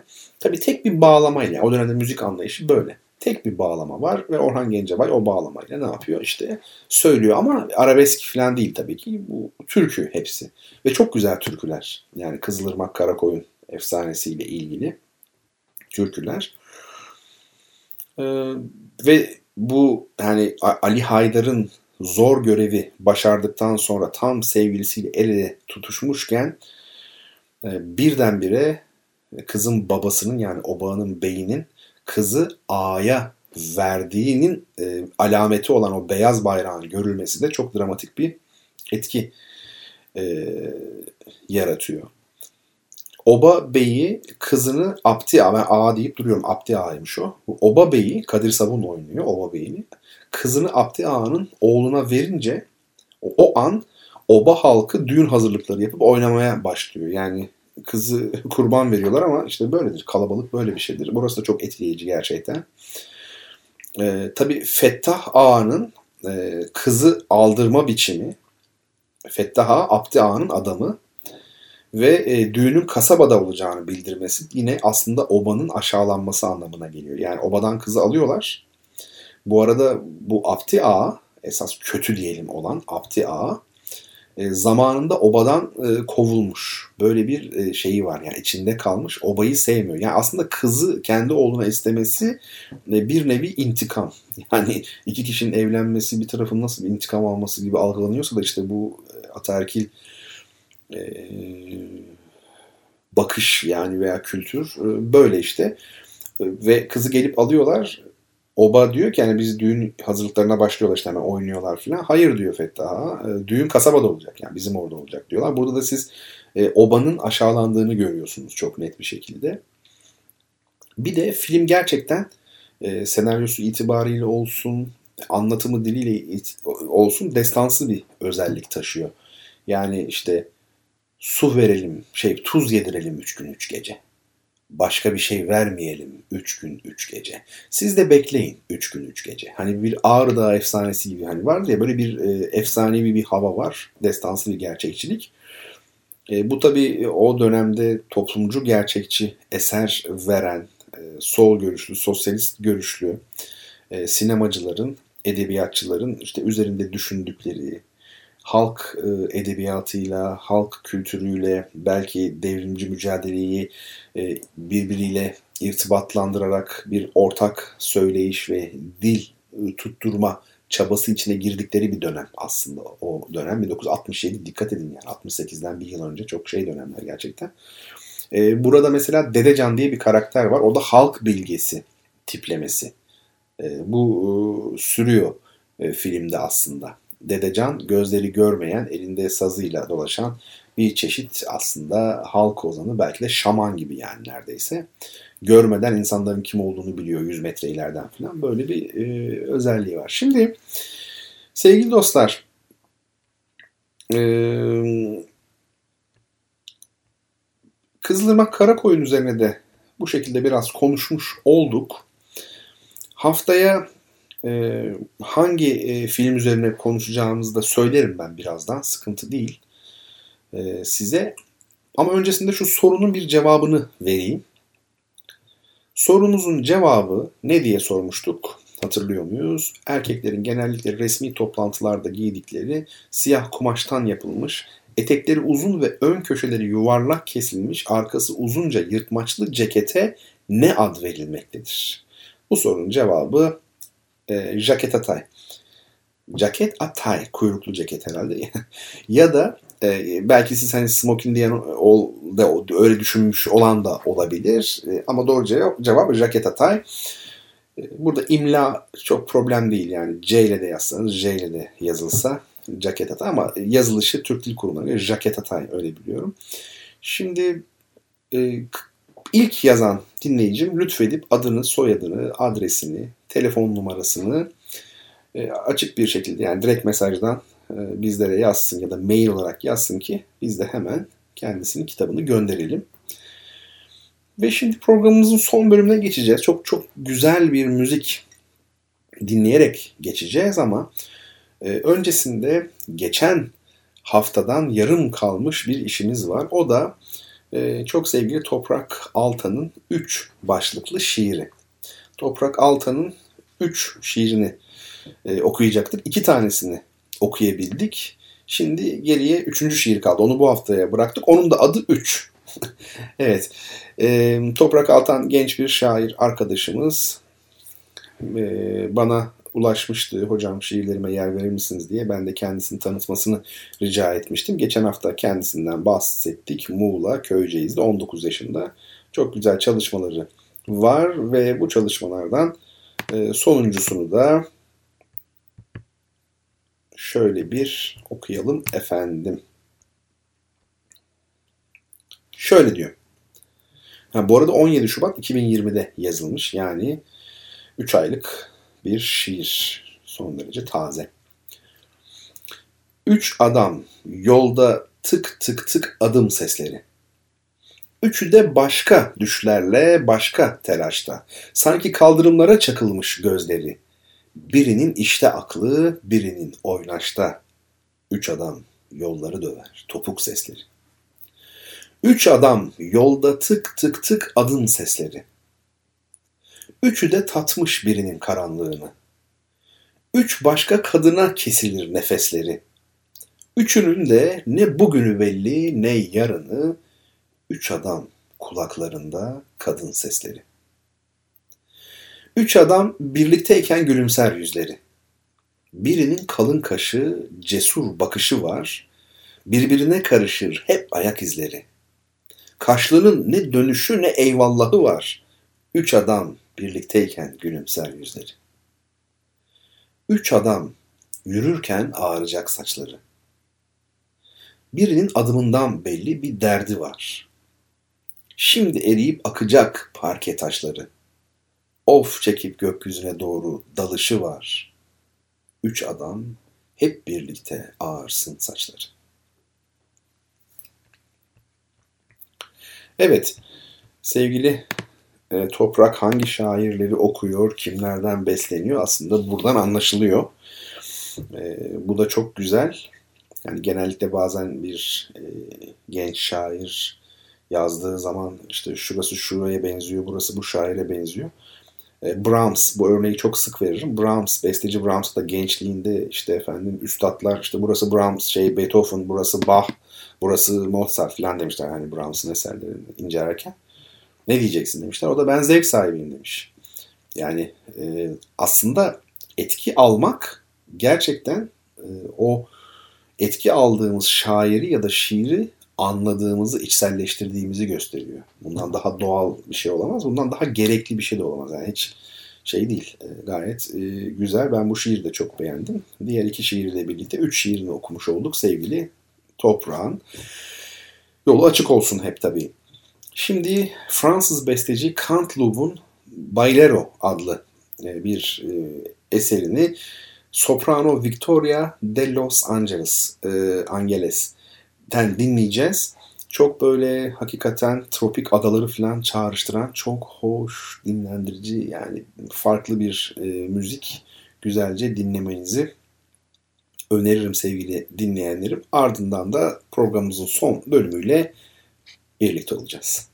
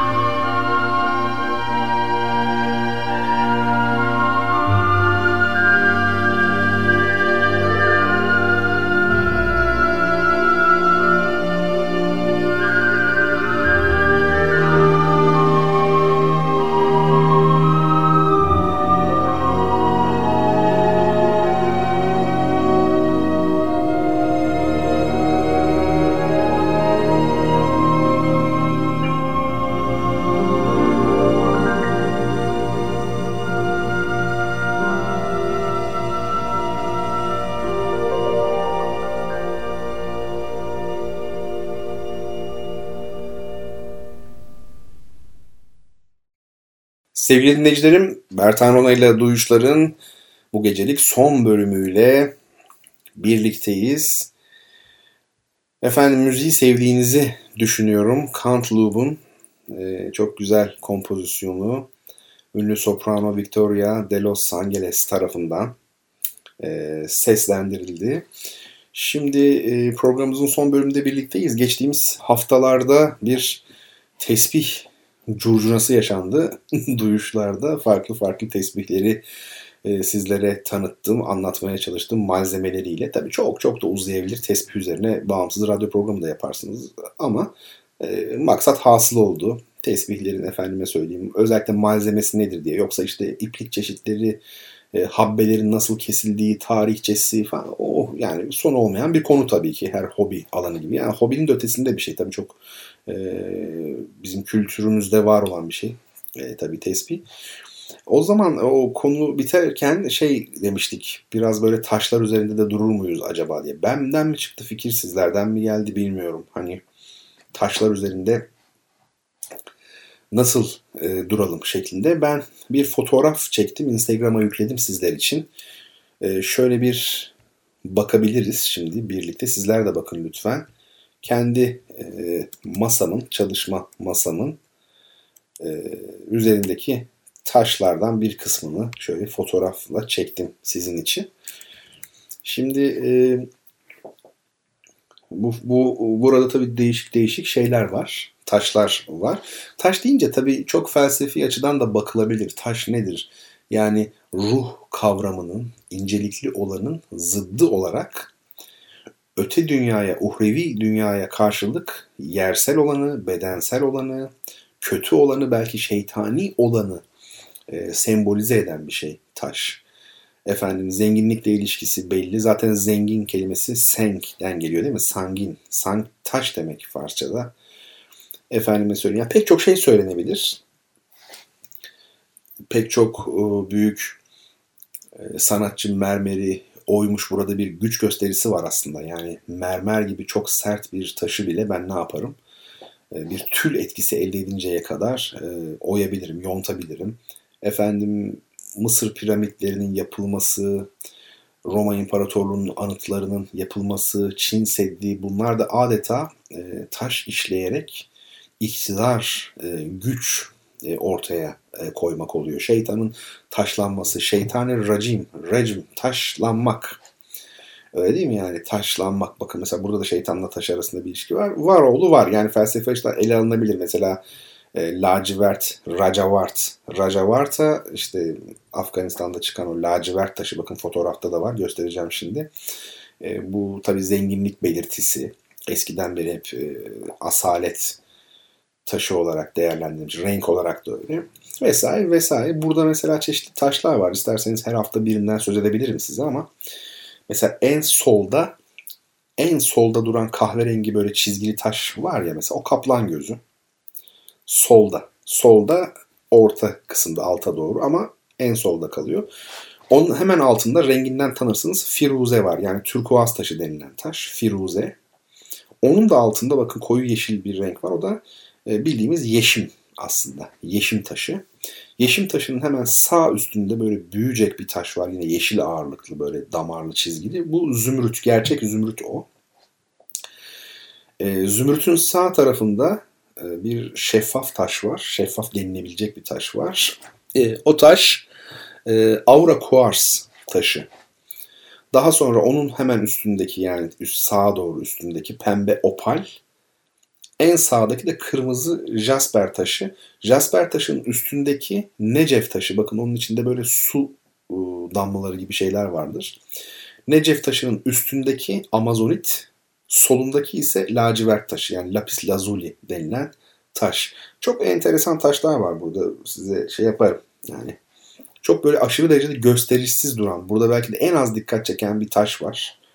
O hangisi biliyor musunuz? Hani kaplan gözüyle başladık ya. Bakın şimdi. Kaplan gözünün sağ sağına doğru ama üste doğru böyle 45 derecelik açıyla kuzey doğusuna doğru yani öyle bir taş var böyle Siyah deseniz değil, yeşil deseniz değil. Çok gösterişsiz duruyor orada. Mesela o taş, e, o kadar labradorit o taş. E, siz onu mesela ışığa tutsanız hayran olursunuz. Öyle renk kırılmaları yapar ki sanki içinde yani birileri bir şeyler döşemiş elektrik falan zannedersiniz. Yani çok özel taşlar var. Tabi bunlarla ilgili biliyorsunuz bu taşların sağlığa etkileri, e, konuları var. İşte bu bir sektör hani böyle e, çok paraların harcandığı, maddi durum herhalde iyi olan ve canı sıkılan bazı insanların mı diyeyim yani öyle de demeyelim kimseyi incitmeyelim ama bu bir sektör tabii. Çok inananlar var. Taşlarla ilgili kitaplar var. Yani böyle şeyler yok falan diyenler var. Yani ben tedavi amacından ziyade taşları seviyorum yani bunlar hoşuma gittiği için. Burada size bir biraz göstereyim dedim. Mesela haftaya şey yapabiliriz yani. Mesela ametist taşı var orada bakın. Aventurin var. Yani e, yakut var aslında biliyor musunuz orada yakut. O sağda üstte yuvarlak amazonit taşı var ya böyle en, en büyük taş gördüğümde aşağı yukarı. Sağda üstte amazonit diyor mesela bak o yeşil. Onun hemen üstünde solda bitişik olan taş böyle kırmızımsı tam kırmızı değil de böyle işte mora da çalıyor biraz. O yakut. Gerçek yakuttur yani. İlginç. Obsidyen var orada. Neyse bende radonit var, iolit var, apatit var, aventurin taşı var. Onu söyledim zaten. Aquamarin var. Sistin taşı var. Anyolit var. Yani şey var, onyx var. Hematit var. Daha da fazla saymayayım.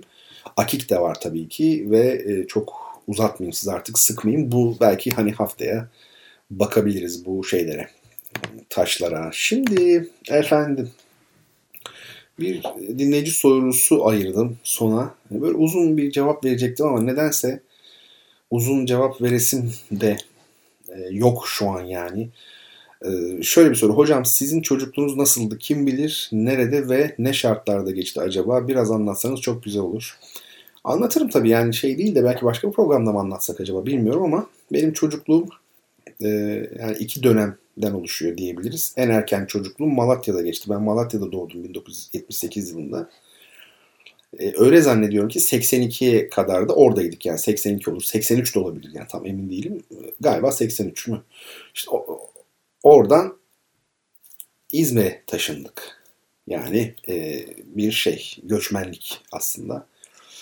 E, dolayısıyla Malatya'daki kısmı başka, İzmir'deki kısmı başka. İkisi de kendine göre çok farklı özellikleri olan dönemler benim hayatımda. Yani ikisi de çocukluk tek bir bütün gibi algılayamıyorum. Yani çok başka. Malatya'daki benim için çok e, mitik yani mitolojik bir e, tasavvur bütünü oluşturuyor.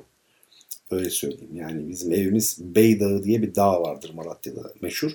O evin yani etekleri diyebileceğimiz bir mahalledeydi. Ve tabii 1980 yılının 81'in e, Doğu Anadolu'sunu şöyle bir düşünün. Bugünden ne kadar farklı değil mi? Yani e, telefon vardı en fazla. Yani şunu hatırlıyorum.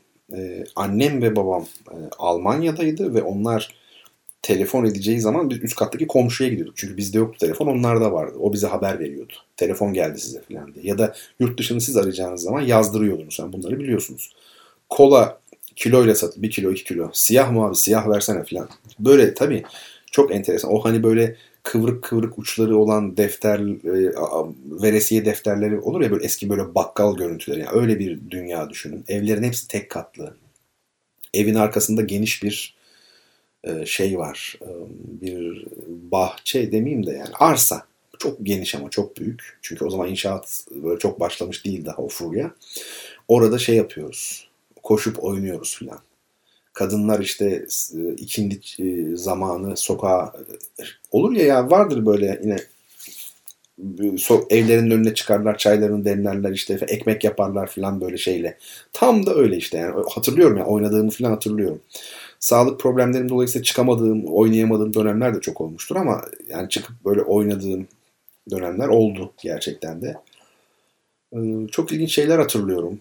Mesela evimizin bahçesi vardı, kümes vardı orada. Ne güzel yani keşke bugünkü çocukların da bu imkanları olsa mesela. Tavukla, horozla iç içe büyüseler. Mesela bir tilki girmişti kümese. Bir gece gelmiş oradaki tavuklardan birini falan yemiş herhalde götürmüş. Ee, bu mesela ilginçtir. Bu benim bir kitabım var İstanbul Koşukları diye baskısı da yok e, galiba. O kitapta mesela kısmen böyle gönderme şeklinde vardır orada kümese dadanan tilki geçer. Öyle bir şey. Çok şey söylenebilir. Ben aslında o dönemle ilgili bir roman yazmak hep aklımda var. Ee, yani çünkü biraz böyle yüzyıllık yalnızlık gibi böyle sembolist böyle yani nasıl anlatayım sembolist de değil de bir e, gerçeküstü. Çünkü o dönemi ben öyle algılıyorum. Gerçekmiş gibi gelmiyor bana. E, o tür bir roman ne kadar da güzel olur. Belki gücüm yeter. Belki yapabilirim bir gün. Bakıp görürüz yani. Bir o İzmir'deki ise onu da haftaya mı anlatsam bilmiyorum. Gerçi Malatya'yı pek anlatmadım ama İzmir'de çok daha farklıydı her şey. Mesela arkadaş grubum vardı. Malatya'da pek arkadaşım olduğunu hatırlamıyorum. Küçüktüm zaten 3-4 yaşındaydım ama İzmir'de e, çok arkadaşım vardı mahalleden. Bayağı mahalle arkadaşıydık biz böyle erkekler olarak. Ee, ve tuhaf mesela şimdi dikkatimi çekti. Yani erkek çocuklar erkeklerle arkadaşlık yapar ya biz öyle bir topluluk. Mahallede sanki kızlar yokmuş gibi halbuki vardı. Onların da kendine göre bir grubu vardı herhalde bilmiyorum. Böyle bir ağaç vardı onun altında buluşurduk her zaman. E, farklı şimdi anlıyorum yani dönüp baktığımızda farklı e, kökenlerden gelen insanlardık. Ama İzmir Karşıyaka'nın o rahatlığı, efendime söyleyeyim sıcaklığı hepimizin üzerine e, sinmişti. Yani ben 13-14 yaşındayken, 15 yaşındayken e, gece saat 2'de sadece ben değil genç kızlar 18 yaşında olsun, yani 17 yaşında olsun gece saat 12'de 1'de rahatlıkla İzmir Karşıyaka'da çıkıp deniz kenarına inip yürüyebilirler, geri dönebilirler. Yani o kadar bir şey var. Gerçekten bir rahatlık var. Kimsenin kimseye çok karışmadığı bir ortam. Ee, tabii İzmir benim için özel bir şehir. İki şey var ancak ölümle unutulur.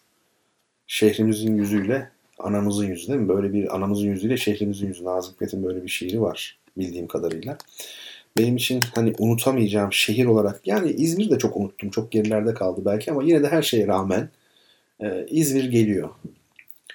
İzmir hani vatanım gibi o şehrim deyince orası geliyor. Çünkü orada çok yaşadım gerçekten. Ama çok tuhaf. Malatya'da çok az bulundum. Çocukluğum sadece. O da işte değil mi 3 yaşına kadar, 4 yaşına kadar. Sonradan da neredeyse hiç gitmedim. Bilmediğim halde orada böyle yürürken de kendimi oraya ait hissediyorum her şeye rağmen. Tuhaf. Hoş ben Erzurum'a da ait hissediyorum kendimi. Yani öyle garip bir yapım var yani. Kendimi dünyada tek bir yere değil her taraf benimmiş gibi geliyor. Hiç var yani Bolivya'da gitsem yabancılık çekmezmişim gibi bir his var içimde ya. Bence bu güzel bir şey. Keşke herkes yaşasa belki dünya böyle bir yer olmazdı yani. O kadar yapay ki çünkü yani sınırlar şunlar bunlar. Ya bir dünya var işte. Üzerinde bilmem kaç milyon insan yaşıyoruz. Yani burası benim vatanım, burası senin vatanın. Aslında e, tabii çok ideal bir şey söylüyorum ben. Kolay değil ama bugünkü dünyada e, her yer herkesin vatanı yani. Çünkü dünya hepimizin vatanı. Bu kadar basit yani. Neyse. Böyle düşünüyorum. Hakikaten samimi düşüncelerim bunlar.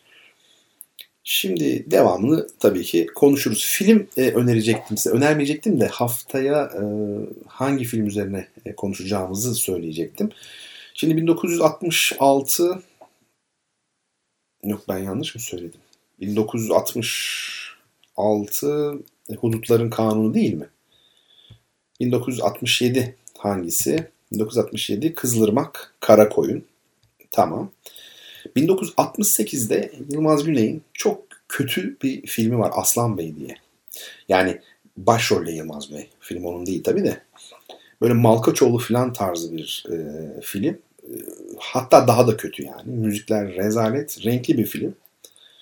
Yılmaz Güney böyle komik bir oyunculuk e, yani sergilemiş. Bu başarılı bir oyunculuk. Efendime söyleyeyim. Yani baş düşmanı İlyoshin'in kızı işte Aslan Bey'e aşık oluyor falan. Klasik bildiğimiz Cüneyt Arkın'ın yani Malkoçoğlu serisi gibi. Ee, klişe tamamen. Yani bu film üzerinde duracak değiliz. Biz esas Yılmaz e, Güney sinemasının da başlamış olduğu Aç Kurtlar filmiyle devam edelim. 1969. Yani 66 e, Hudutların Kanunu, 67 Kızılırmak Karakoyun, 68'i geçtik Aslan Bey, 69'da Aç Kurtlar. Bu film bir çeşit Doğu Anadolu westerni. Çok tuhaf ama çok enteresan bir bileşim olmuş. Ee, şeyde var yine YouTube'da var rahatlıkla izleyebilirsiniz. 1969 filmin adı Aç Kurtlar. Çok değişik kendine göre bir havası vardır. Bildiğim kadarıyla Yılmaz Güney Muş'ta askerlik yaparken çektiği bir film bu. Ben öyle biliyorum. Bir e, izleyin bu filmi ve haftaya Aç Kurtlar'ın üzerine konuşalım sevgili dinleyicilerim. Efendim bu haftalık benden bu kadar olsun. Haftaya çarşamba gecesi ki 3 Haziran yapıyor galiba. E, Nazım Hikmet'in de ölüm yıl dönümü. Öyle değil mi? Ben yanlış mı bilmiyorum? 3 Haziran 3 Haziran 1963 değil mi? Evet yani gerçi ne yıl dönümleri atlıyoruz böyle değil mi? Yani onlara dikkat etmiyorum. Öyle bazıları var böyle liste çıkarıyor falan doğum tarihleri, ölüm tarihleri. Ona göre işte efendim tweet atıyor, ona göre şey yapıyor. E, o da belki insanları bilgilendirmek için güzel bir şey ama e, böyle bir doğum bak bakın mesela bugün bu 27 Mayıs meselesi e, sinema tarihi kitabının arkasında yazıyor. 60 tam denk geliyor ama hiç aklıma bile gelmedi yani. Neyse sevgili dostlar dediğim gibi benden bu kadar olsun efendim. Kitap kazanan dinleyicimize çok değerli dinleyicimize e, kitabı gönderilecektir efendim hemen. Şimdiden kendisine iyi okumalar e, diliyorum ve hepinizi Allah'a emanet ediyorum. Kendinize iyi bakın.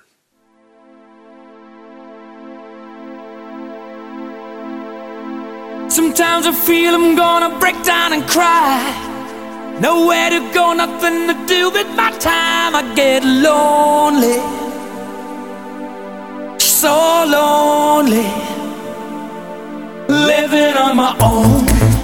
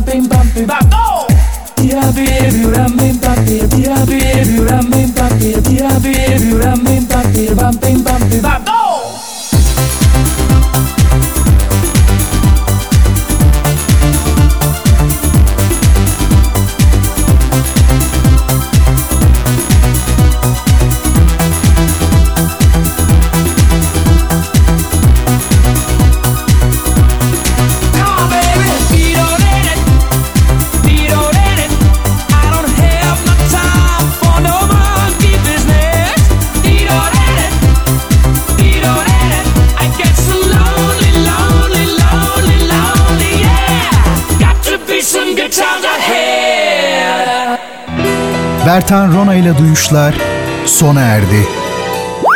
Bu program hakkındaki düşüncelerinizi dinleyen et radyogercek.com adresine mail atarak bize ulaştırabilirsiniz. Dinlemiş olduğunuz programda ürün yerleştirme yapılmıştır.